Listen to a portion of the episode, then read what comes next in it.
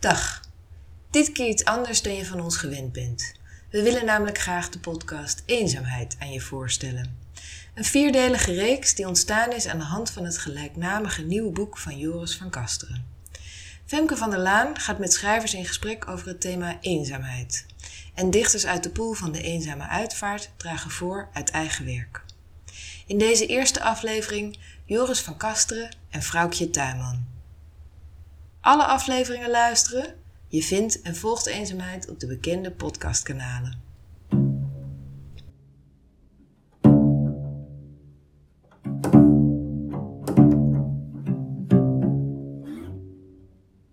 Het decorum wat wij in stand houden is ook maar een conventie, een afspraak. En die mensen die ja, bevragen dat, onbedoeld natuurlijk, door, eh, ja, doordat je niet meer meedoet. En dat vind ik, dat heeft iets heel authentieks. Zij, zij hoeven zich niet meer uh, anders voor te doen dan ze zijn. En dat verlangen heeft ieder mens, denk ik wel.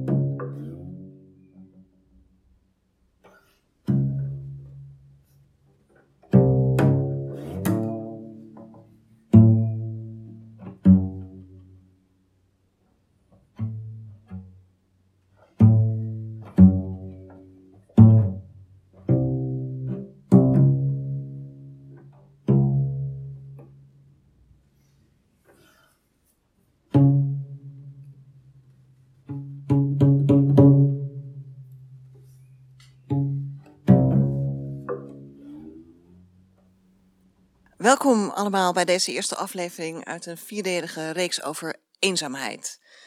Vanuit Spui 25. Vandaag met een interview met Joris van Kasteren en poëzie van dichteres Vrouwtje Tuinman.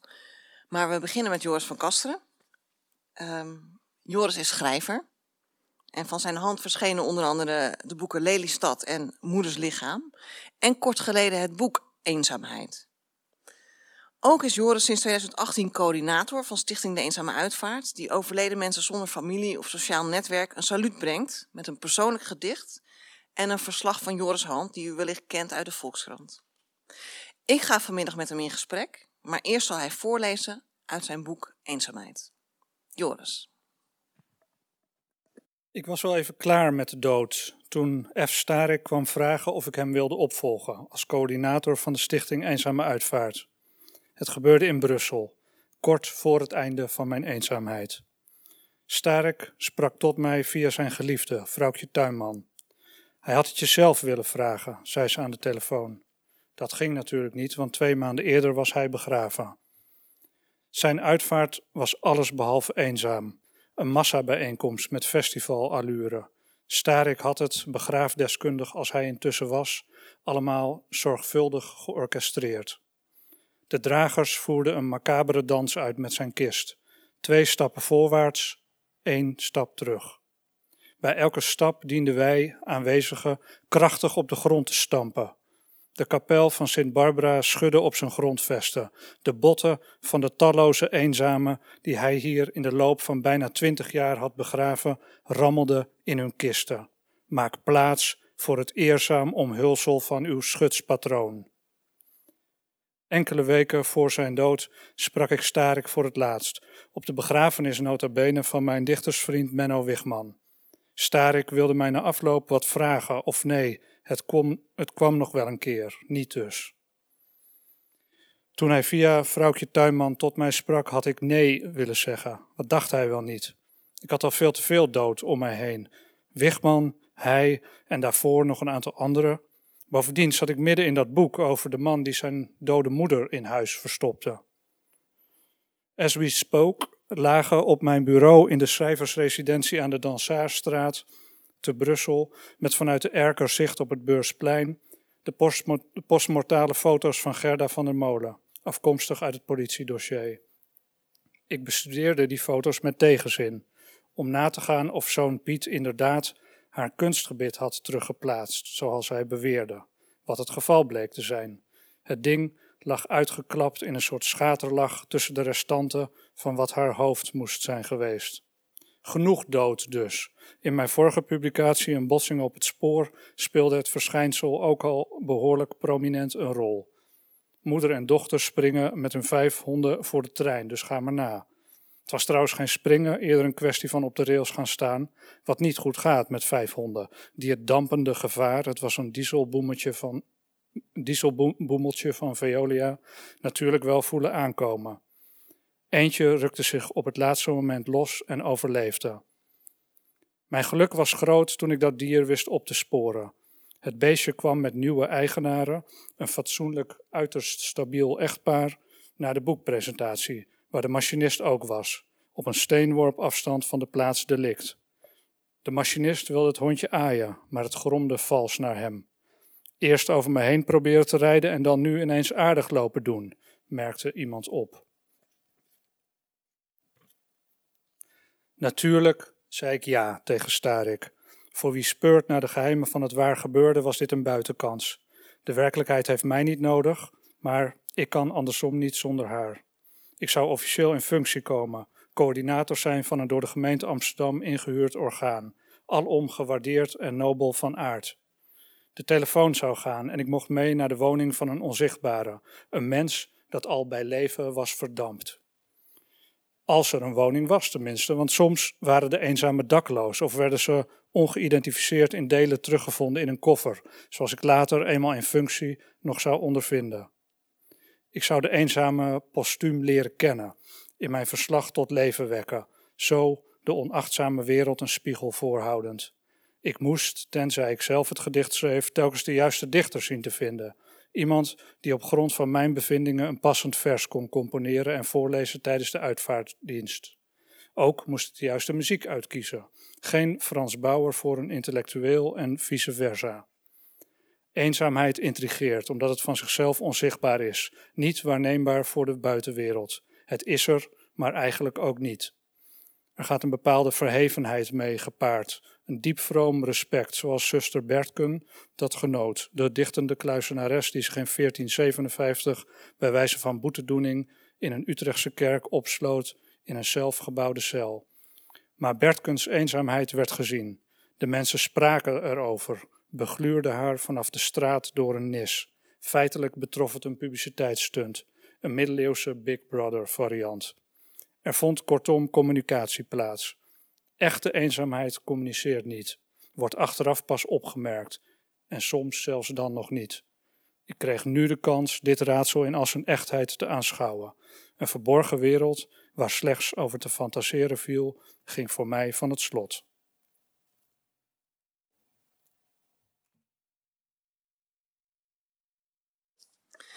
Dankjewel, Joris. Um, ik ga toch even, voordat wij uh, um, met elkaar in gesprek gaan, even uitleggen dat wij elkaar al kennen. Ik ben sinds dit najaar voorzitter van de Eenzame Uitvaart. Uh, ja, het is allemaal doorgestoken kaart. Het is allemaal doorgestoken kaart. Maar voordat de mensen denken, dit is wel heel erg oude jongens kennend brood, dacht ik, het is wel netjes om dat even te zeggen. Um, ik hoor je net zeggen, een, een verborgen wereld die van het slot ging. Was het nieuwsgierigheid waarom je ja zei? Ja, het was wel nieuwsgierigheid, omdat ik altijd een beetje op zoek ben naar dat raadsel eh, van de werkelijkheid. Of in ieder geval bepaalde gebeurtenissen die zich ja, op, op mysterieuze manieren uh, ontrafelen. En heel vaak moet ik dan achteraf heel veel moeite doen om dingen terug te vinden, om bepaalde gebeurtenissen te ontleden. Zoals bijvoorbeeld met dat IJsselbeen. En nu ben ik toch een stapje dichterbij. Ik weet, ik weet, niet of iedereen weet wat er met het IJsselbeen was. Nou, dat is een vorig boek van mij, Het Been in de IJssel. En dat uh, was een, een, bericht, of dat kwam bij Opsporing Verzocht, waar ik altijd naar keek. En, uh, en, en ja, liep een agent langs de IJssel en die zei, uh, nou hier is dus een been gevonden. kent u iemand in uw omgeving die een been mist?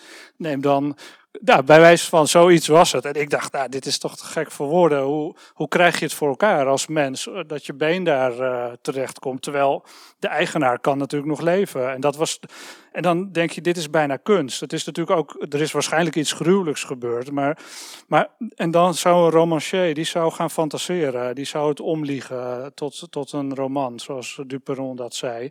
Maar ik denk dan juist, maar ik moet weten wat er echt gebeurd is. En het, mijn ervaring, ervaring dan is dat je, dat je dan op, op nog veel maffere verwikkelingen stuit. Of, of veel uh, ja, intrigerender uh, zaken. En dat is nu met, met die eenzame uitvaart, dat je dan in functie komt. Heb ik natuurlijk een, een soort vrijbrief om die woningen in te gaan. Als het tenminste een woning is. En dan ben je ineens echt in die biotoop van zo'n. Ja, van de maatschappij afgedreven persoon. En dat is toch ja, een stapje dichterbij weer. En zijn het maffe situaties waar je dan uh, in terechtkomt? Nou, vaak is het heel, heel triest op dat moment. Hè. De, uh, dus die hele omstandigheden natuurlijk in zo'n woning. Zou je misschien even kunnen uitleggen hoe dat dan gaat? Want jij krijgt op een dag een belletje van, we hebben weer iemand? Ja, je weet dus nooit wanneer het komt. Dat is heel irritant. Want soms zijn het er ook twee tegelijk. Of, of... En de ene keer uh, um, nou ja, nou oké, maar laten we ervan uitgaan dat er een huis is. Dus ik word gebeld door de mensen van, de, van, van TRUP. Dat is de afdeling uh, van de gemeente Amsterdam die dit soort dingen regelt. En dan weten zij nog niet 100% zeker of het een eenzame uitvaart wordt. Want ze gaan naar de woning en wie weet uh, zit daar een goede vriendin in de stoel. Nee, dat zal het niet zijn, maar ze kunnen natuurlijk... Ja, een adresboekje. Een adresboekje. Dus uh, maar dan hebben ze wel al een, een vermoeden, een sterk vermoeden dat het uh, een eenzame uitvaart wordt. Want ze hebben natuurlijk al in de basisadministratie gekeken en gezien van nou er is geen familie. Of er was wel familie, die is aangeschreven en die hebben gezegd uh, zoek het lekker zelf uit. Want dit was een hele gemene man of vrouw. Nou, en dan mag ik mee. En dat doe ik natuurlijk omdat ik in eerste instantie naar de dichter... Even voor mijn beeld, ja. de overledene is er dan niet meer, toch? Nee, nee, nee. Nou, soms zijn er nog wel delen, uh, helaas. Die, want dan is het niet zo goed schoongemaakt. Maar dat is vaak niet eens het ergste. Want dan, dan zijn het al hele ja, vervuilde woningen, zeg maar. Meestal hebben ze het wel netjes uh, achtergelaten. Maar soms ja, zijn het ook hele extreme situaties. Maar dat is niet het merendeel. Dat zou makkelijk zijn als je zou kunnen zeggen... ja, al die eenzame mensen, dat, dat, het zijn allemaal alcoholisten of, of verslaafden of gekken, maar dat is het niet. Het, er zitten ook hele gewone mensen bij. En dan kom je in zo'n woning en dan ga je op, zelf op zoek naar het adresboekje of kijk jij naar andere dingen? Nou, ik loop gewoon met de mensen van Trup mee, want zij zijn meestal met z'n tweeën. En hun belang is, dat is ook wel goed om uit te leggen, de gemeente heeft de plicht tot begraven. Dus als niemand anders het doet, moet de gemeente het doen. En uh, tegelijkertijd moeten zij natuurlijk ook kijken, heeft die persoon niet eigen vermogen? Want in 9 van de 10 keer is er geen uh, uitvaartverzekering en ook geen testament. Dat is vaak niet geregeld door die mensen. Soms ook wel. Dan, hoef, dan hoeven ze in principe ook niet naar de woning. Als, maar ze gaan altijd toch wel om te kijken, is er vermogen ook? Het kan, laatst was er een mevrouw die een miljoen na, bleek te hebben. Ja, totaal bizar. Um, dus zij moeten altijd daarheen om te kijken van nou, hoeveel is er. En uh, dat moet, dat, die woning moet dan ook verzegeld worden en dat moet allemaal gewoon netjes worden afgehandeld. Nou, en in hun slipstream uh, ja, ik kijk een beetje mee over de schouders, maar ik, ik kijk natuurlijk vooral hoe ziet dat huis eruit? En zijn de fotoalbums? En, en ik probeer altijd na te gaan waar heeft iemand bijvoorbeeld een baan gehad? Of wat, gewoon wat is de voorgeschiedenis, want je ziet alleen het trieste einde, maar eigenlijk ligt er een heel leven als het ware opgerold in zo'n woning. En dat, ja, je wil, ik wil in mijn fantasie, dat was bij dat been ook. Dat het eerste wat ik dacht is, ja, dat been heeft ergens bij iemand in een buik gezeten en heeft leren lopen en heeft uh, uh, misschien gevoetbald. Of, dus ik, ik, ga wel altijd helemaal, als het ware, terug naar de baarmoeder denken. En, ja. Het is nooit de bedoeling geweest om in de IJssel te eindigen. Sorry? Het is nooit de bedoeling geweest om in de IJssel te eindigen. Nee, nou ja, nee, ik denk, dat heb je natuurlijk ook. Je hebt ook mensen die bewust een hele ja, mysterieus einde creëren. Maar in, in dat geval van dat boek, uh, nou ja, dat, dan, moet, dan moet je het boek lezen. Dan uh, kan ik, dat zou ik niet allemaal verklappen. Maar uh, nee, er zijn ook mensen die wel, dat, dat hadden we laatst met, uh, toen heeft een vrouwtje ook het gedicht geschreven, toevallig. En ehm, ja, die persoon daarvan zou je echt kunnen denken: goh, zou die dit nou. Zou die een soort dwaalspoor hebben uitgezet en, en gewoon ja, al als zijn hele complete identiteit geheim houden door niks bij zich te hebben en ja, als het ware geen enkel spoor na te laten. Maar, maar mensen die in, in, in woningen gevonden worden, die hebben sowieso sporen. Ja, en dat zijn voor mij dan kleine restjes waarmee ik een beeld moet zien te vormen van die persoon. En in de eerste plaats natuurlijk om de dichter te instrueren. Want het, kijk, uiteindelijk ben ik die verhalen erover gaan schrijven. En die zijn ja, wat uitgebreider uh, geworden. Maar in eerste instantie ben ik daar natuurlijk om, ja, om die uitvaart uh, goed te doen. Dus um, ik kijk bijvoorbeeld ook naar, naar muziek. Wat voor muziek is er in die woning? Uh, want ik, dat moet ik ook uitzoeken. En dan, ja, dan weet je ook wat je kunt draaien natuurlijk.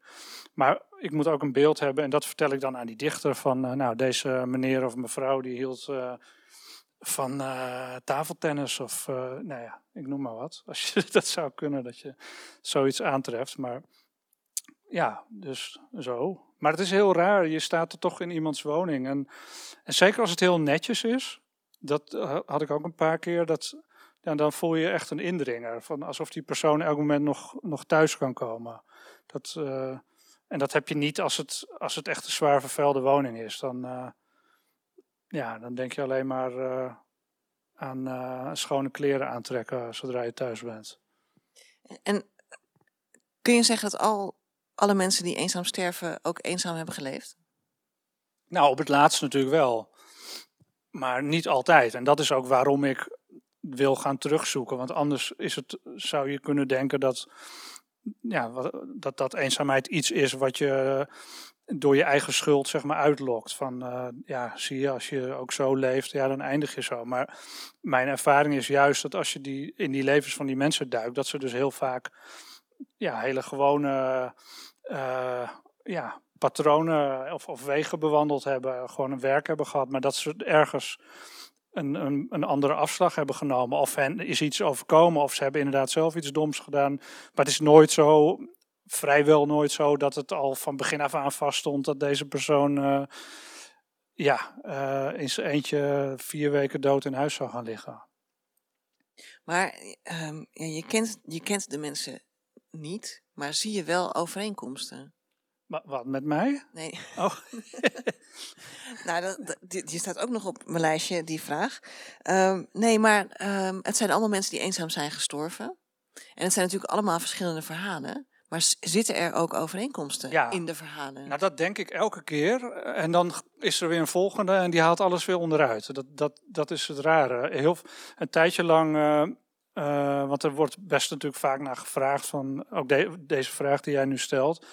En een tijdje lang zei ik altijd, ja, het zijn wel wat oudere mannen die dan niet getrouwd zijn of gescheiden, vaak geen kinderen. Nou, en prompt daarna waren er drie uh, oudere vrouwen. Of nou, en, en, en ook jongere vrouwen trouwens. Dus het is moeilijk. Maar het is, wat wel zo is natuurlijk, als je, ja, als je niet getrouwd bent of je hebt geen partner dan, en, en ook geen kinderen, dan, dan loop je verhoogd risico, wou ik zeggen. Maar ja, er zijn ook genoeg mensen geweest die wel dan een, een, een kind hadden en dan dat, dat kind geen contact meer wilde. Of, of dat, dat was de laatste, of een van de laatste, dat, dat, dat was ook heel triest. Dat die dochter was dan eerder al overleden. Dus dat, ja, dat zie je wel. Maar goed, er zijn natuurlijk genoeg mensen die, uh, hoe zeg je dat, singles zijn en die wel een heel netwerk om zich heen hebben. Dus het, is, het is moeilijk om te zeggen. Het enige wat je wel echt kan zeggen is dat mensen op een gegeven moment in zo'n isolement terechtkomen, om wat voor reden dan ook. Of ze dat nou zelf dan misschien toch een beetje hebben opgezocht of uh, door omstandigheden. Maar zodra ze, als het ware, die deur achter ze in het slot valt, dan wordt het steeds moeilijker om die drempel uh, letterlijk over te gaan. Alleen al om boodschappen te doen. Dat wordt, je zou denken van, oh, ik voel me eenzaam, dus dan ga ik juist met allemaal mensen praten. Maar dat... Die mensen worden schuw. Ja, en dat, dat, maar dat, dat, ik denk dat iedereen dat ook wel een beetje herkent. Dat heb ik zelf ook wel. Als ik een dag lang alleen maar heb zitten lezen of ik ben niet buiten geweest, dan vind ik het ook een beetje.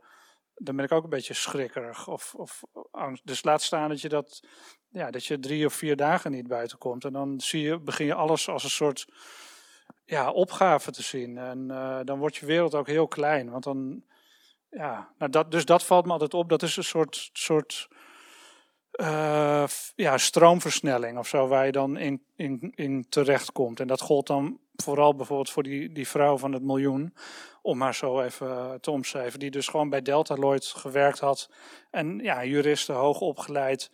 En die ook ja, heel goed uitzag. En met, na haar pensioen uh, ja, gewoon niet, niet meer aan, aan niks meer deelneemt. En dat is echt snel gegaan. Binnen tien jaar was gewoon compleet. Ja, onverzorgd geraakt. Maar, en, en dus durfde ook het huis niet meer uit eigenlijk. Het, is- het, het versterkt zichzelf dus ook. Ja, ja, dat denk ik wel. Want ik lees jouw verslagen natuurlijk. En ehm, af en toe schemert daar ook wel in door dat het niet zulke makkelijke mensen zijn geweest. Nee, dat, is- dat is natuurlijk zo. Het zijn niet. niet eh, ja, het, zijn niet al. Nou ja, misschien soms ook weer wel. Maar eh, ja, vaak zijn het een. eh, Het, het, grumpy is misschien het juiste woord, ik weet het niet. Maar ik denk dat dat ook weer zoiets is wat erger wordt, natuurlijk. Want naarmate jij schuwer bent, ga je, je gaat wegkijken. Je gaat naar de grond kijken. Dat is ook een kenmerk. Dan moet je maar eens op straat ook opletten. Bepaalde mensen die eh, die, ja, die, die durven dat contact eigenlijk niet meer te maken. Omdat ze zich te ver af voelen staan van eh, de rest van de wereld. En dat zal juist nu, nu zeg maar die terrassen en zo weer open gaan. Want eigenlijk was iedereen een beetje eenzaam natuurlijk in corona, relatief gezien, in de coronatijd. Ehm, maar juist nu eh, ja, zal dat voor die mensen weer extra moeilijk worden. Want die hebben helemaal geen mensen om nu mee te gaan afspreken. Dus dat, ik denk dat dat ook, dat, dus dat wegkijken en dat een soort defensieve houding, dat, dat wordt denk ik ook erger. Dus dat, dat moeilijke karakter, dat, dat wordt eh, ja, ook versterkt. versterkt. Ja. En, en als mensen aan jou vragen, zoals ik net deed, van zie jij een gemeenschappelijke deler tussen die mensen? Waarom vragen mensen dat? Ja, ik kan me voorstellen dat mensen ook op zoek zijn naar een recept van nou, zo, zo wil ik het niet. Zo wil ik niet eindigen. Ja, dat, maar dat is het natuurlijk. En vooral in de politiek, wel, dat, dat staat dan ook op de agenda, eenzaamheid. Maar het probleem is, eh, we zijn eh, met deze wereld in een bepaalde richting gegaan, waar, waar we een soort ja, slaven van de techniek zijn geworden. En eh, dat, dat is wat ik in het boek natuurlijk ook beschrijf, dat anderhalf eeuw geleden, ruim anderhalf eeuw geleden, leefden wij in kleine gemeenschappen nog. En de actieradius van een gemiddeld mens was echt heel klein. Dat, eh, mensen kwamen hun dorp amper uit. En ja, dan moest je echt van verhalen horen wat er in de buitenwereld gaande is. En eigenlijk in een hele korte tijd is de communicatie waanzinnig verbeterd, versneld tot aan de social media aan toe die we nu hebben. Mensen zijn meer bij elkaar gaan wonen, naar de steden getrokken. En dan zou je ook denken, nou, dan eh, ben je minder geïsoleerd. Maar het tegenovergestelde is waar. We kunnen, de, de communicatiemiddelen zijn beter, de afstanden zijn kleiner. Maar tegelijkertijd is de, eh, hoe moet je dat zeggen, de sociale afstand tussen mensen is juist groter geworden als gevolg van die techniek. Want die techniek plaatst ons op een afstand. En die te- techniek is een surrogaat, althans dat denken mensen, voor eh, normaal contact. Wat wij hier nu hebben, er speelt veel meer tussen ons. Eh, eh, non-verbaal, eh, in, weet ik veel, geur. Nee, niet dat ik jou ruik nu of We zo. zitten maar- op anderhalve meter afstand. ja, nee, maar snap je wat ik bedoel? Maar er spelen heel veel. De communicatie, de menselijke communicatie, de- die bestaat uit veel meer dan alleen een berichtje sturen. Dat, dat, is niet, dat kun je niet vervangen. Maar wij zijn nu helaas daardoor, plus natuurlijk met, met de secularisering. Ik heb bijvoorbeeld nooit een moslim hoeven eh, eh, begraven, want die, worden, die sterven natuurlijk ook eenzaam. Dat is natuurlijk eh, absoluut net zo goed zo. Maar dan komt er wel een mannetje van de moskee en die lost het op. En dat was natuurlijk vroeger, en, en ook in de Bijbelbelt heb je dat natuurlijk ook nog steeds. Dat zeg maar de gemeenschap dan, ja, die, die treedt in werking en die doet dingen. Maar wij zijn geïndividualiseerd en we kunnen daar niet meer uit terug. Maar op zich, de, bij, bij, dat je, ehm, bij de uitvaart die jij doet, treedt de gemeenschap ook in werking bij monden van de gemeente. En je kan ook zeggen dat vroeger de kerk het deed, eenzame begraven. dat is waar, maar misschien iemand, maar dan wel, zijn ze ook een beetje aan de late Ja, maar kant. dan moeten wij ons nu even op de borst kloppen. En dan kunnen wij zeggen, ja, maar wij doen, het hier, wij doen dit hier in Amsterdam. Maar dit is de enige plek in Nederland waar dit gebeurt. Niet op de wereld, want het, gewoon- in het buitenland gebeurt het eh, ook op verschillende plekken.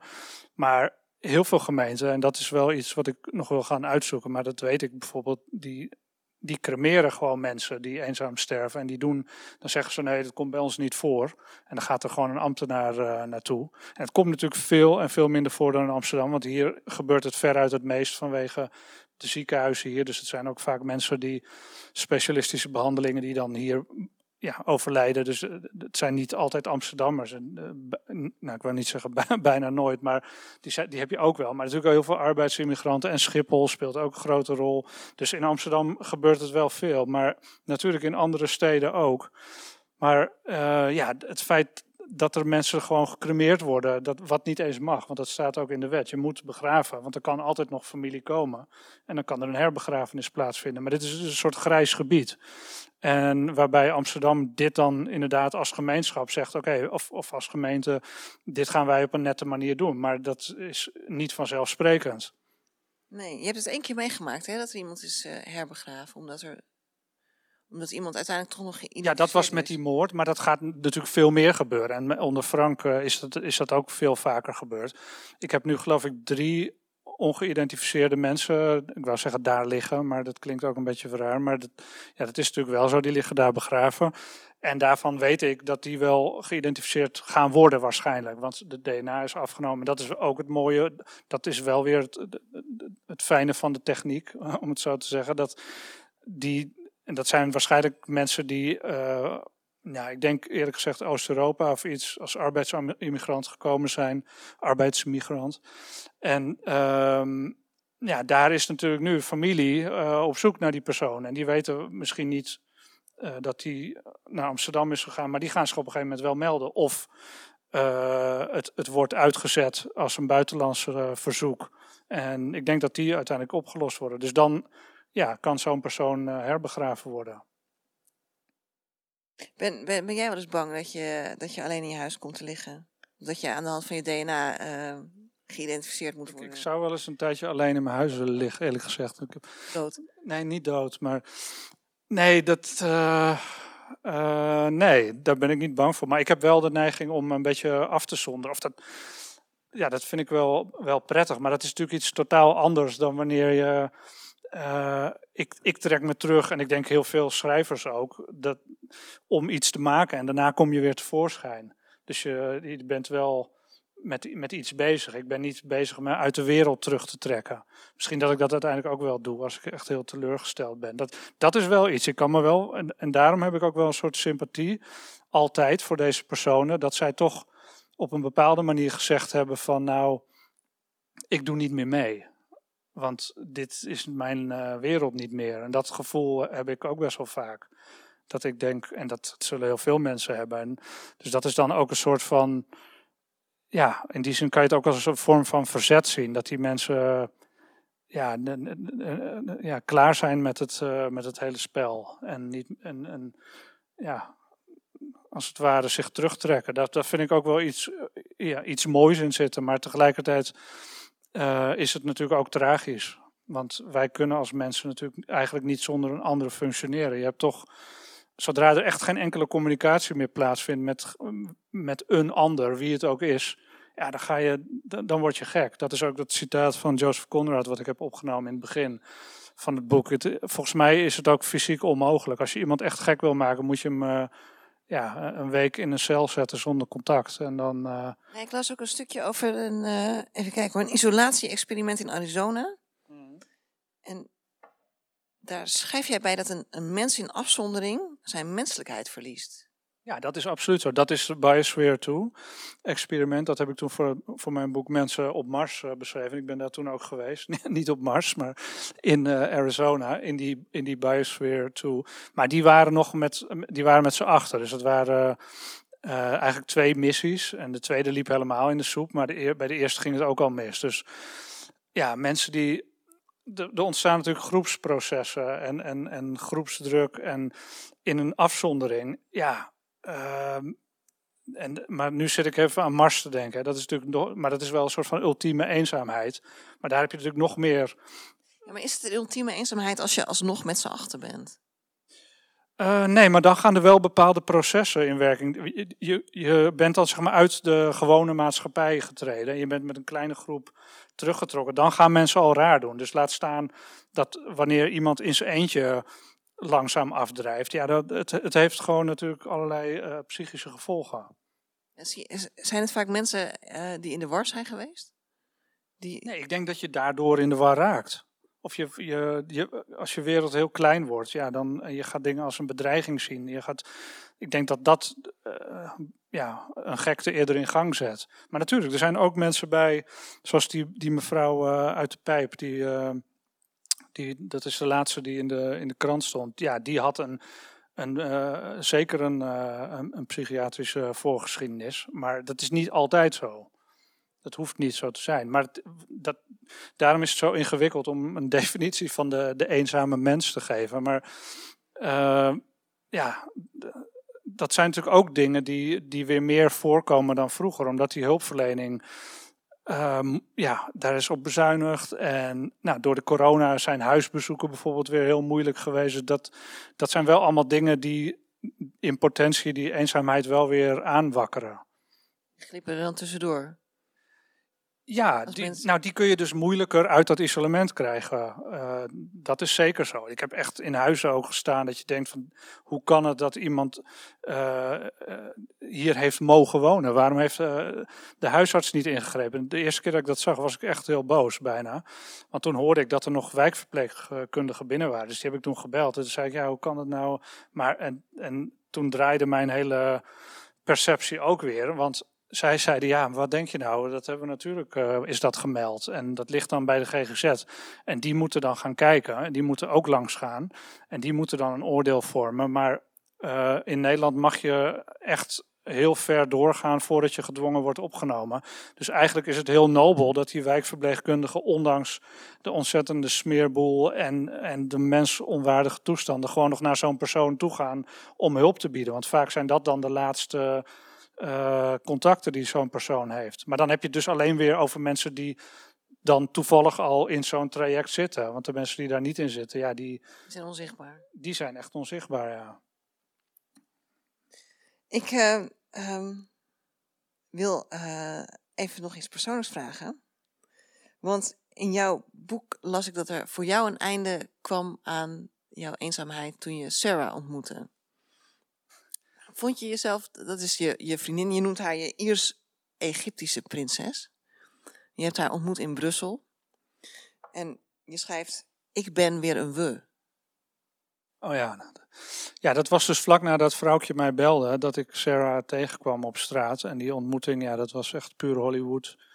En dat heb ik ook in het boekje beschreven. Maar um, ja, het, het, is natuurlijk een beetje een knipoog vanwege het, hele thema. Want ik ben absoluut niet eh, zo eenzaam als die mensen natuurlijk. Ik heb twee kinderen, dus dan, dan is dat. Maar ik, ik, ik ben zeg maar, uh, hoe zeg je dat, gescheiden. Nou ja, ik was niet getrouwd, maar ik heb wel heel lang, uh, ja, dat zonder vriendin of zo geleefd. Dus dan, daar, daar, daar raak je ook wel een beetje mee vergroeid. En ik had wel op een gegeven moment een beetje de hoop opgegeven dat ik nog iemand zou tegenkomen. En, uh, nou, en toen gebeurde dat. Dus dat voelde in die zin een beetje als het einde van mijn eenzaamheid. Maar dat is natuurlijk een totaal andere. Een, en dat is ook letterlijk wat in de eerste alinea staat.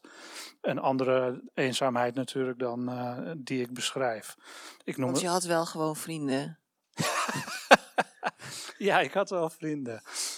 Maar ik ben nooit iemand geweest met heel veel. Maar ja, dat is gewoon. ik hou niet zo van groepen. Wel beschouwd was het een eenzaamheid van niks. Dat is het natuurlijk. Het was een eenzaamheid van niks. Maar toch een, een kleine eenzaamheid. Maar dat is ook vanwege het werk wat ik doe, vanwege het schrijven. Daar, daar, ga je al half buiten de, de wereld staan. Maar dat kan waarschijnlijk bij de gratie dat je die wereld ook gewoon weer in kan stappen. Precies, wel, ja, nou, dat is het hele ding. Ik laat me dan aan een soort touwtje afzakken in de eenzaamheid, maar dan klim ik wel weer. Uh... Weet dat de wereld daar nog is. Je kan weer ja, omhoog. Ja, ik, ik, ik ga naar beneden met het doel om weer omhoog te klimmen uiteindelijk. Ik wil niet daar achterblijven, maar aan de andere kant vind ik het ook heel prettig daar. Dat is zeker zo. Dat, maar het is ook het voorgeborgde van waanzin. En het is ook het voorgeborgde van vergetelheid. En dat is ook iets wat mij natuurlijk enorm fascineert. Uh, kijk, uiteindelijk worden we allemaal uh, vergeten en opgeslokt door het niets. En, en sommige mensen worden iets langer onthouden dan anderen. Maar in wezen is natuurlijk alles gewoon totaal zinloos. En, um, Jij vindt dat als je je terugtrekt om te schrijven of gewoon alleen te zijn, dat je kan proeven aan dat voorgeborgde? Nou, je bent echter daar. Dat is het hele punt. Dat is wat die mensen voor mij ook zijn. Dat moet ik nog wel benadrukken. Zij zijn echt totaal echt. Zij hoeven geen schijn meer op te houden. Daarom vind ik ze zo interessant. Zij laten zeg maar alle gebruiken die wij, uh, zonder dat we het doorhebben, met elkaar in stand houden. Dus alle conventies. Eh, om, ervoor te zorgen dat we niet elkaar de hersens inslaan of dat we naakt over straat gaan. dat, dat hebben zij niet meer. Althans, Nou ja, ze op gaan een niet ander- over straat. Nee, oké, maar ik geef even als. Maar snap je, het decorum wat wij in stand houden, is ook maar een conventie, een afspraak. En die mensen die ja, bevragen dat, onbedoeld natuurlijk, door. Ja, doordat je niet meer meedoet. En dat vind ik, dat heeft iets heel authentieks. Zij, zij hoeven zich niet meer eh, anders voor te doen dan ze zijn. En dat verlangen heeft ieder mens, denk ik wel. En dat is het eerste wat mij bekruipt als ik onderdeel moet zijn van een groep. Dan denk ik, waar is de uitgang? Eh, ik moet weg. En, dus dat herken ik wel heel erg. Maar ja, Maar echt zijn, echt zijn leidt dus tot eenzaamheid. ja, nou ja, misschien wel. Ja, ja misschien. Maar je moet ja, natuurlijk niet te lang eenzaam zijn. Dat is een beetje eenzaamheid is goed. Maar eh, ja, wie zei dat nou? Dat, eh, dat is ook een van die citaten die ik. Oh ja, dat, nee, dat zei Van Gogh zelfs. Vincent van Gogh was natuurlijk de ultieme eenzaamheidsexpert. En dat is heel interessant om te zien hoe hij zich telkens eigenlijk terugtrekt. En eerst in de Borinage in, eh, in Wallonië. En dan, dan, dan gaat hij zich echt tussen die arbeiders nestelen. Maar hij wordt letterlijk gek dan, want die mensen die. En hij is dan ook nog een soort zeloot, dus hij gaat het christendom aan ze opdringen. En op een gegeven moment wil niemand meer contact met hem. En hij, hij draait echt door. Hij gaat in een hutje wonen. En, en dan op een gegeven moment snapt hij wat er aan de hand is. Hij, moet, hij kiest dan echt voor het schilderen weer. Dus hij is geen, eh, geen missionaris, dan wil hij meer zijn. En dan gaat hij terug naar Brussel. En, en, want ik moet contacten hebben. Hij heeft modellen nodig om te schilderen. En, dan, dus, en dat schrijft hij dan. enige reden om weer contact te zoeken. Ja, maar hij schrijft dan dus letterlijk, het, het gaat om die combinatie van je moet inderdaad die, eh, dat isolement misschien opzoeken eh, om tot jezelf te komen, maar daarna moet je je toch weer onderdompelen om iets te kunnen creëren. Dus het moet een wisselwerking tussen die twee zijn, denk ik.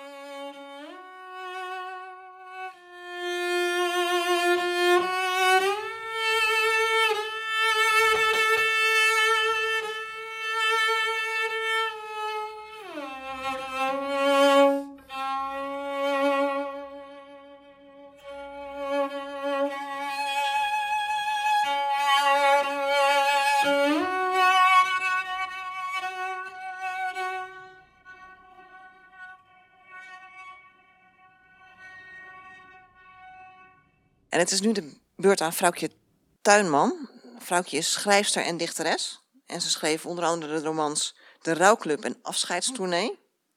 En haar dichtbundel Lijfrente werd bekroond met de Grote Poëzieprijs 2020. Ook is vrouwtje als dichter verbonden aan de eenzame uitvaart. Ze zit in de zogenaamde Pool des Doods. En ze was samen met Frank Starik, die tot aan zijn dood de coördinator was. Vrouwtje. Dit gedicht heet They Killed Kenny. Mijn schoonmoeder zit in haar sta-opstoel voor het raam.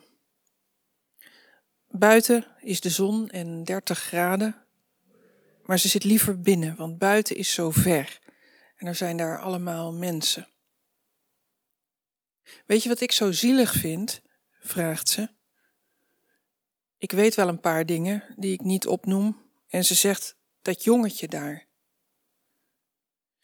We kijken uit het raam en zien alle andere ramen, met daarachter plastic bloemen en sta-opstoelen waar niemand in zit. Het is mooi weer.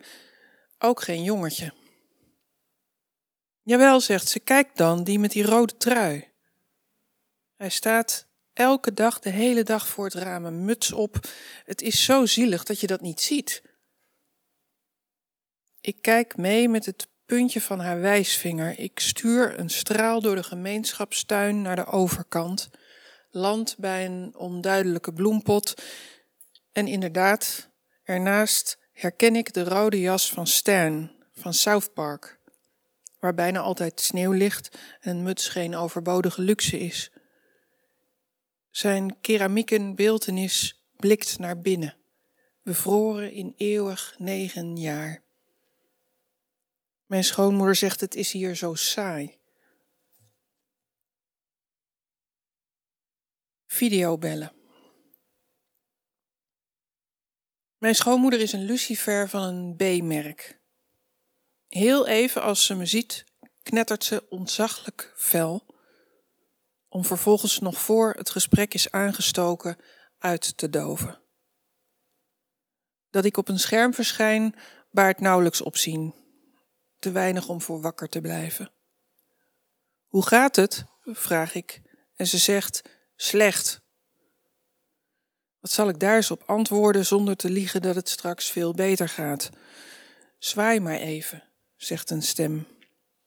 Ik raad welke verpleegkundige ik hoor zeg: Hallo, Farie. Mijn schoonmoeder vraagt wie dat nu weer is. We zwaaien allemaal. Ik druk ons weg.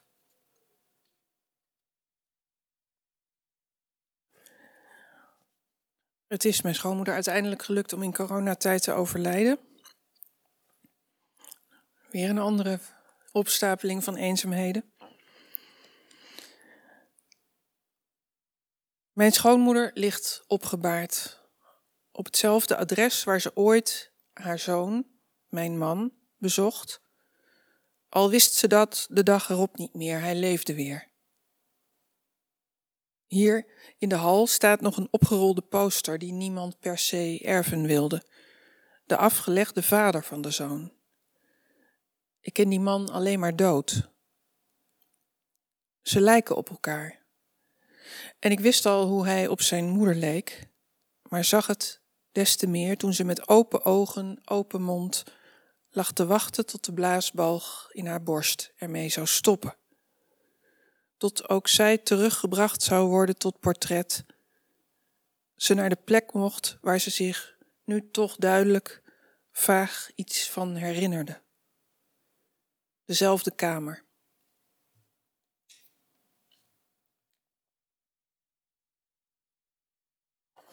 En tot slot.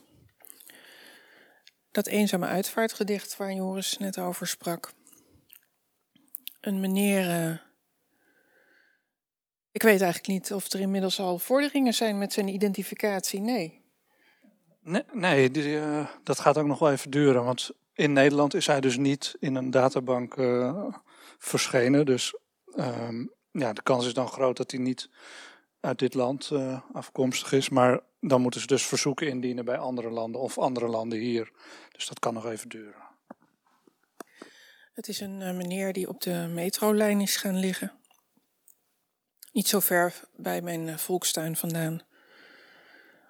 Er is nu in ieder geval iemand die elke keer aan hem denkt als ze daar langskomt. Dus dat is dan toch gelukt. Ik denk wel heel veel mensen. Ja, ik denk het ook. Ruime marge. Het kan dus nog. Jezelf vrijwel onzichtbaar maken. Je zo bewegen dat je de camera's ontwijkt, de lampen je niet vangen, je er pas bent tijdens de klap. En dan meteen weer weg. Voor die tijd kamde je de restanten van je haar, schoor je kaken, alles om niet op te vallen. Je leegde de zakken van je broek, je hoodie, derdehands en onherleidbaar, net zoals je DNA. Er is iemand die in jou een Mark herkent, maar nee, dat ben jij niet, want Mark neemt op. Maar het had gekund. Je kunt werkelijk iedereen zijn, 40 jaar of 60, en je lengte, men neemt een ruime marge. Was dit het doel? zo gemiddeld mogelijk vertrekken, zodat niemand specifiek je kan gedenken. Breek ik in met dit gedicht, of ben je juist opgelucht dat ik mijn muziek opdring, je een gezicht krijgt dat ons afleidt van het jouwe, schone kleren en een bordje zonder naam.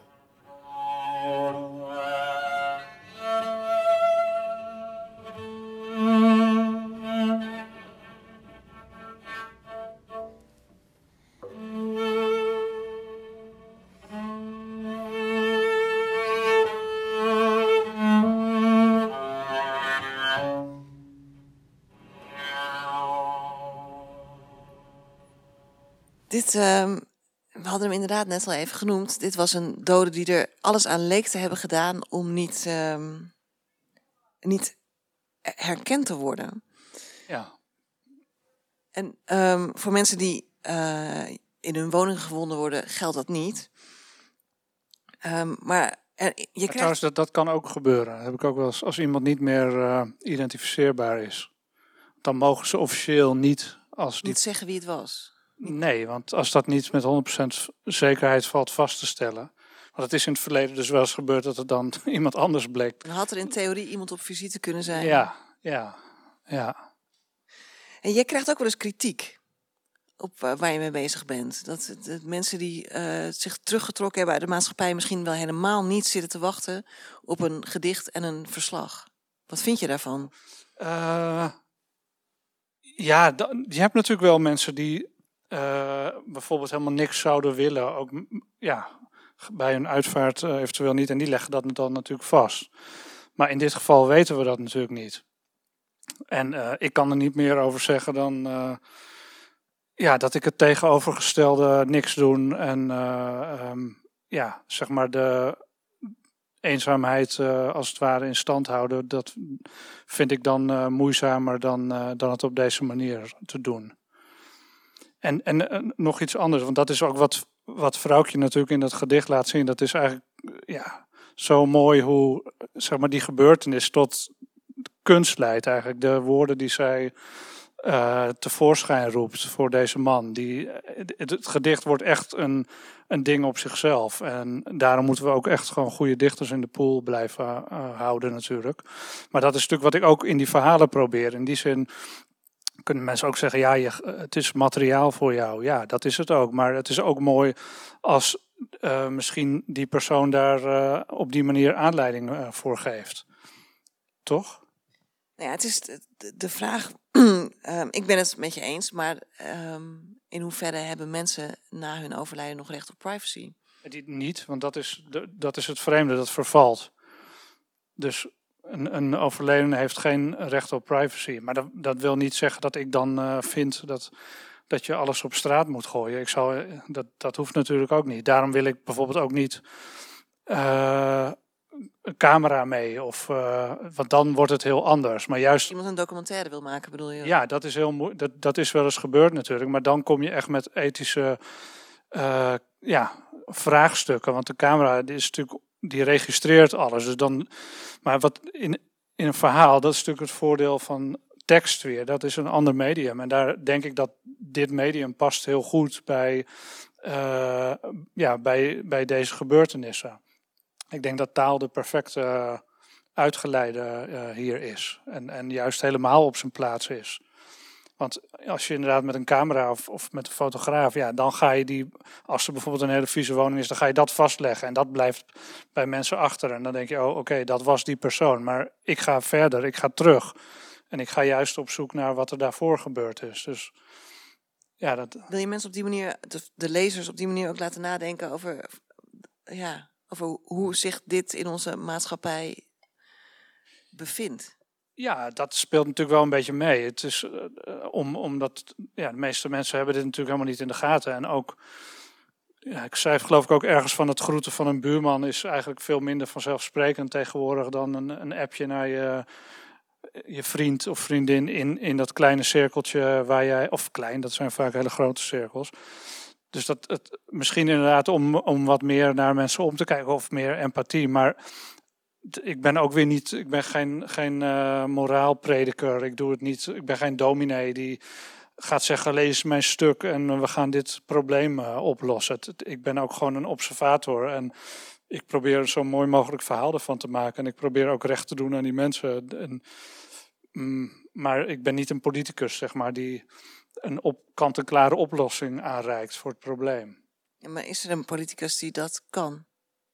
Ik bedoel, is er een op, weten we een oplossing? Nou, er, zijn, er wordt vaak gedacht van ja, we gaan een, een campagne lanceren tegen eenzaamheid. En, eh, Gaan we al onze buurmannen groeten? ja, dat- maar dat is natuurlijk ook het lastige. Weet je. Er zijn ook heel veel mensen die willen ook gewoon met rust gelaten worden. Ik, o- ik ook. Maar Groet Eh, jij je buurmannen niet? jawel, jawel, zeker wel. Nee, maar ik zou.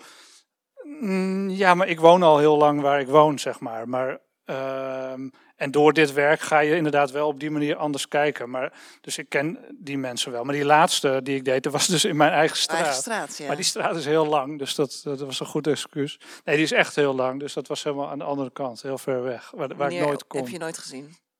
Nou ja, daar zit ik nu natuurlijk net over na te denken. eh, maar ja, nee, de kans is groot dat ik hem wel gezien heb. Maar, en ja, zijn geval is ook weer heel bizar. Want dat was een, een nog vrij jonge man, 53 pas.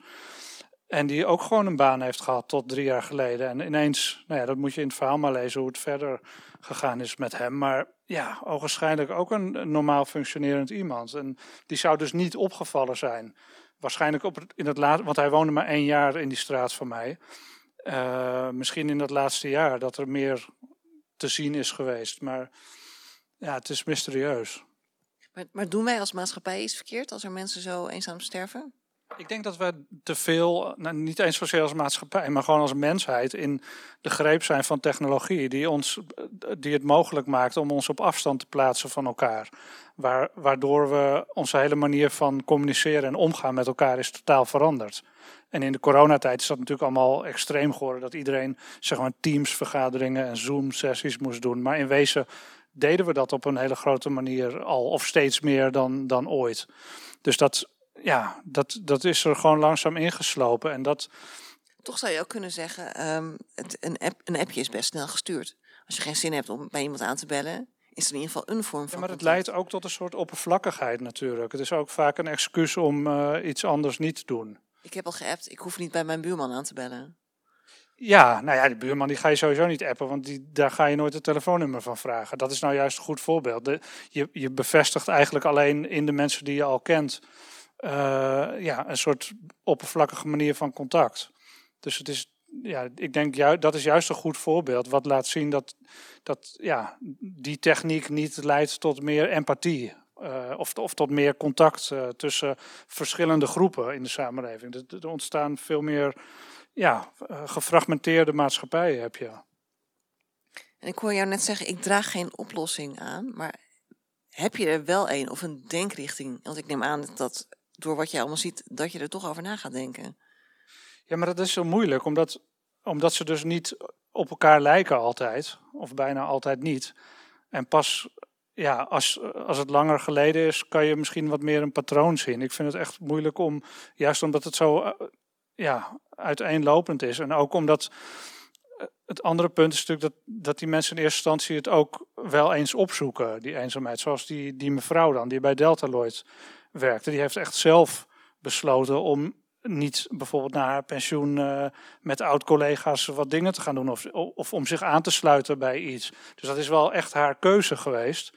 En die mensen die ik uiteindelijk, die oud-collega's die ik na, na, heel veel gedoe gevonden heb, ja, die schamen zich nu heel erg. Want ja, dit had nooit mogen gebeuren, zeggen ze. Die nemen zich dat ook wel kwalijk. Maar ja, uh, wat hadden ze moeten doen? Dan, dan, ja, misschien als ze waren gaan aankloppen of zo. Maar hoe ver moet je gaan? Dat is dus ook weer het moeilijke.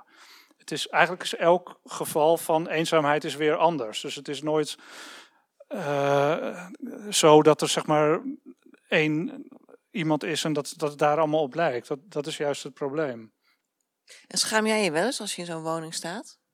Ja. Of misschien namens ons allemaal?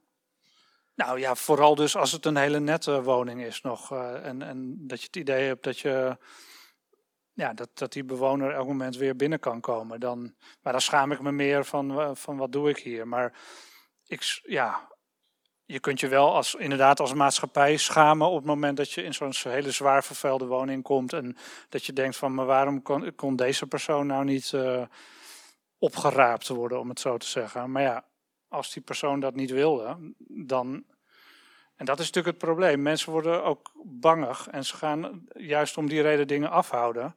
En er zijn allerlei, eh, ja, waarschijnlijk therapieën, aanpakken mogelijk. Maar ja, daar komen we niet aan toe, blijkbaar. Het met onze autonomie die we als mens hebben. Ja, maar ik denk ook, dat is wat ik net hoor vanuit die GGZ ook, dat, het, dat ze daar echt eh, fulltime in een soort crisis zitten. En bij, bij TRUP ook, die dienst van de gemeente die mij dan belt. Want die doen natuurlijk niet alleen de eenzame uitvaarten. Dat, is, dat vergeet ik nog te zeggen. Jaarlijks gaan er ongeveer 5000 mensen dood in Amsterdam. En ongeveer 1 op de 10, dus een kleine 500, moet uh, door de gemeente opgepakt worden. Omdat er in eerste instantie dus geen familie of vrienden zijn. Dus moet je nagaan. Dat, is al, dat zegt al heel veel over eenzaamheid. Maar dan worden er in 9 van de 10 keren alsnog familieleden gevonden of vrienden die het alsnog oplossen. En alleen die, dat ene procent, of hoe je het wil noemen, dat wordt dan een eenzame uitvaart. Maar het hele feit dat de gemeente zoveel, bijna dus 1 op de 10, bij 1 op de 10 overlijdens eh, in actie moet komen omdat er niemand is. Dat, zijn, dat vind ik chockerend. Dat, ja, dat, zijn, uh, dat, zijn, dat zijn wel pijnlijke gegevens natuurlijk. Als, als een van ons hier, neem ik aan, uh, ja, iets zou overkomen, ja, dan, dan, heb jij de gemeente niet nodig om, om je uitvaart te regelen. Maar blijkbaar want we hebben dat touwtje nog. Dat als we even afdalen in de eenzaamheid, dat we ook weer onszelf naar boven kunnen hijsen. Precies, ja. Maar dat heeft blijkbaar niet iedereen. Of die touwtjes die zijn uh, ja, uh, elastisch geworden, ze komen er niet meer uit. Ik weet het niet.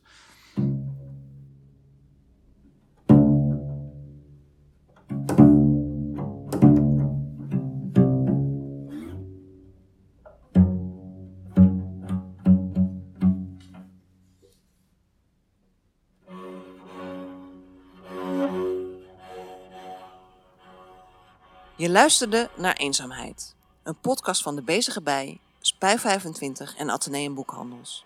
Het concept voor deze reeks is van Joris van Kasteren. De presentatie was in handen van mij, Femke van der Raan. De muziek werd gecomponeerd en gespeeld door Sarah Gabalawi. Opnames door Bob Kappen, montage door Rut Kief. Met dank aan Lotte Akkerman, Soesja Schijven en Marije de Wit.